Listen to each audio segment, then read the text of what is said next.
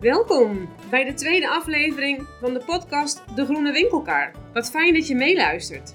Ik ben Anita Jongman, boerin in Noord-Groningen, te Leens op een biologisch melkveebedrijf samen met mijn dochter Agnes de Boer en haar partner Klaas-Jan Mulder. Ik ben de initiator van de Groene Winkelkar.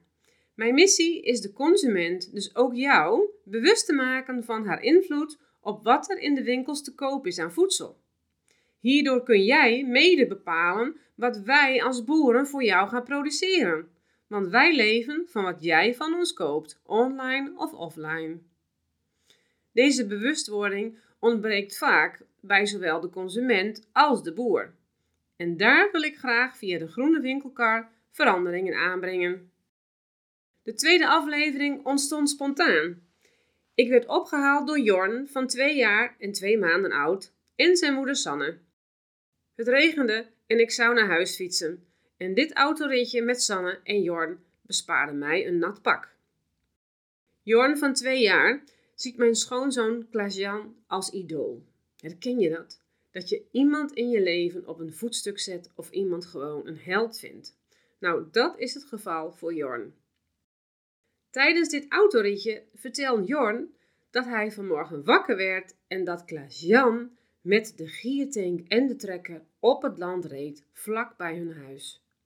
Je hoort hem al roepen: Mama, kijk, Kasjan! Waarom heb ik hier een podcastaflevering van gemaakt?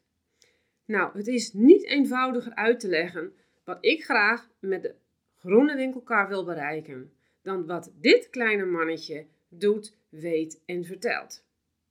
Hoe mooier dan deze verbinding tussen een hele kleine enthousiaste consument, Jorn, van twee jaar en twee maanden oud, en zijn idool, Klaas-Jan, de stoere boer op een trekker, shovel of kraan.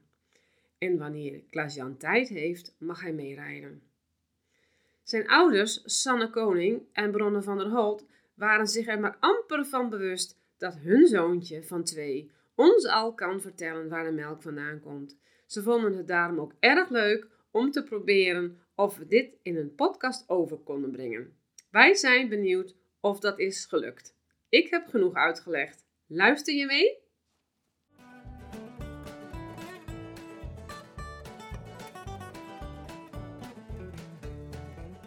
Wat wou je op de boerderij gaan kijken?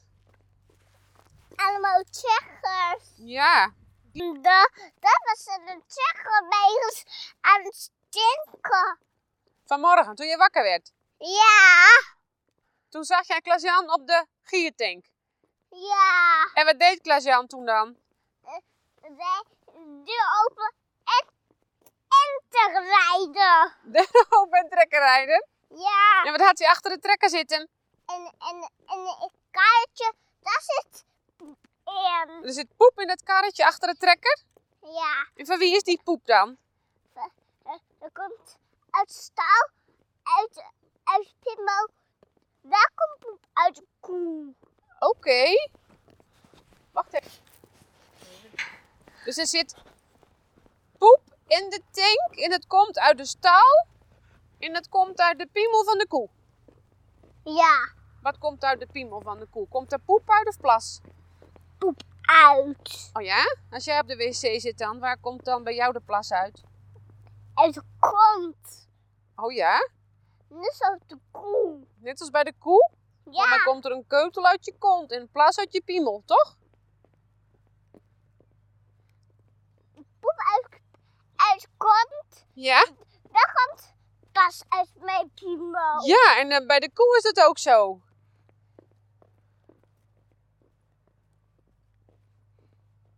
Of klopt dat niet, denk je? Heeft oma Beppe geen gelijk? Dat vind jij wel, wel, ome Beppe. Ja. Kijk eens. Wat is hier te zien? Dat is poep. Daar zit poep op het land, hè? De giertank.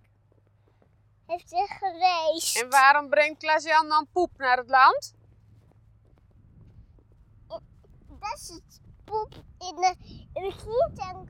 Daar zit kraan achter. Net, Oh, er zit een kraan achter de giertank zodat de poep eruit kan. Dat bedoel je? Helemaal poep op het land, hè? Wat gebeurt er als er poep op het land ligt? Met de trekker gedaan. Ja, trekken gedaan. En dan gaat het gras weer groeien, hè? Ja. En wat deden de koeien, zei jij vanmorgen in de auto? Wat deden de koeien? Gingen de koeien naar de melkrobot? Weet je nog? Ja. Dat de, ja, dat de koeien in het land liepen en die liepen naar huis. Ja. En wat gingen ze toen doen? In de robot. In de robot, hè? En wat gingen de koeien daar maken in de robot? Melk. Melk. Ja, Voor mij. voor jou, hè? En, en voor jou. En voor jou, mama. Oh, lekker! Ja. Koeien gaan allemaal melk maken. In de melkrobot. Ja, dat mag de koeien. Ja. En Johan, en wat maken we van de koemelk? En melk. Melk. En wat maken we nog meer van de koemelk? En yoghurt. En wat nog meer? En. En. En. En boter maken de koeien. En boter maken de koeien. Wow. Ja. Dat is lekker. Kunnen we allemaal van de melk maken, hè? Ja. Voor, voor de koeien. Ja, daar zit voer voor de koeien in. Ja. Daar gaat. Daar gaat. En waar komt het voer van de koeien vandaan? Van het grasland. Van de grasland. En hoe gaat het gras groeien op het land? Ja. Dat Klaas-Jan de poep van de koeien naar het land brengt. Ja. Ja. En dan groeit er weer gras. En wat deden die koeien van vandaag van Agnes en Klaas-Jan? Die gingen naar buiten.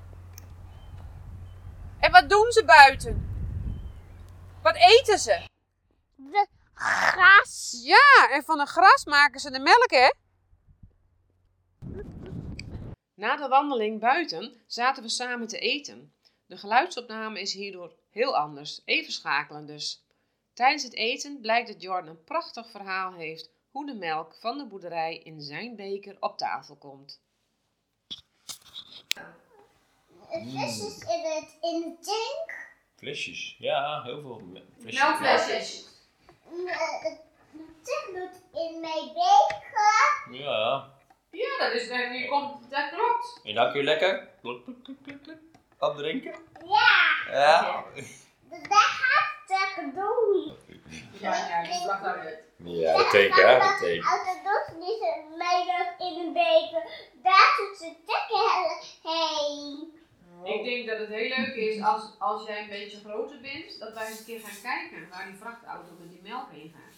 Ja. Oeh, En hoe ze dat dan doen. Want dat zie je niet op de boerderij, hè? nee. Nee, Dat doet Klaas-Jan niet. Nee. Nee, dat, is, dat, dat, hoe kan jij dat dan ook allemaal zien? Dat, Dat, Die dat doet, alleen ophalen. dat doet de tigger. Dat, kijk, jij zit in een stoeltje bij de tigger. Klaas-Jan zit op een stoeltje in de trekker en soms mag je met Klaas-Jan mee.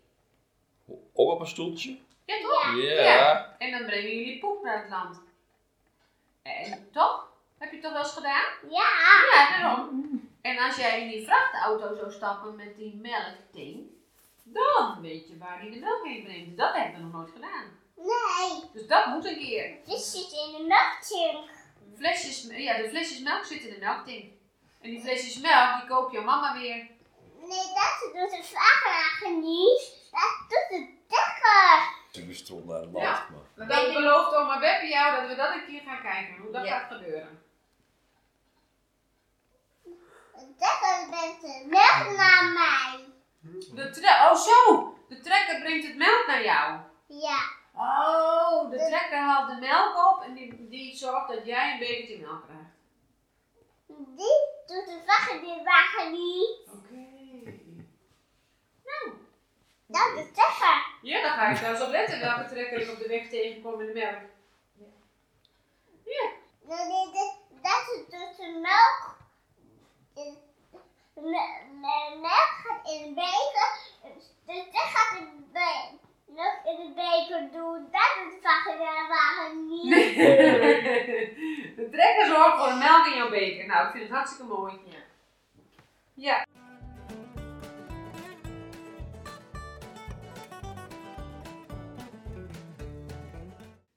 Super dankjewel voor het meeluisteren. Deze tweede aflevering is ook een feit.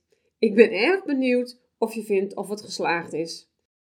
Wil je een mail sturen met jouw inspiraties voor ons naar info@degroenewinkelkar.com of zoek ons op op Facebook of Insta. Alles is nog in ontwikkeling, dus niets is op dit moment perfect. Wanneer je de Groene Winkelkar een goed initiatief vindt, wil je dan deze podcast volgen door op het linkje te klikken onder deze aflevering. En je maakt ons helemaal blij wanneer je de podcast wilt delen met je netwerk. Ik sluit graag af met de belofte die ik heb gedaan aan Jorn. Dat ik voor hem een film ga maken of zoeken over hoe de melk uit de melktink weer bij hem op tafel komt te staan. Dat gaat volgens hem nog met een trekker met flesjes melk in de tink en die brengt het bij hun. En maakt het wat uit dat het iets anders gaat?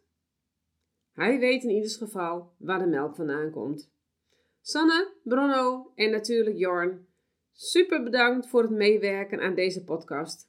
Wanneer Jorn groot is, kan hij altijd nog eens terugluisteren naar wat hij wist toen hij nog maar net twee jaar oud was. Op naar de volgende aflevering over 14 dagen, waarin ik nieuwe ideeën van boeren, consument, winkelketen of politiek aan de orde laat komen. Luister je weer mee?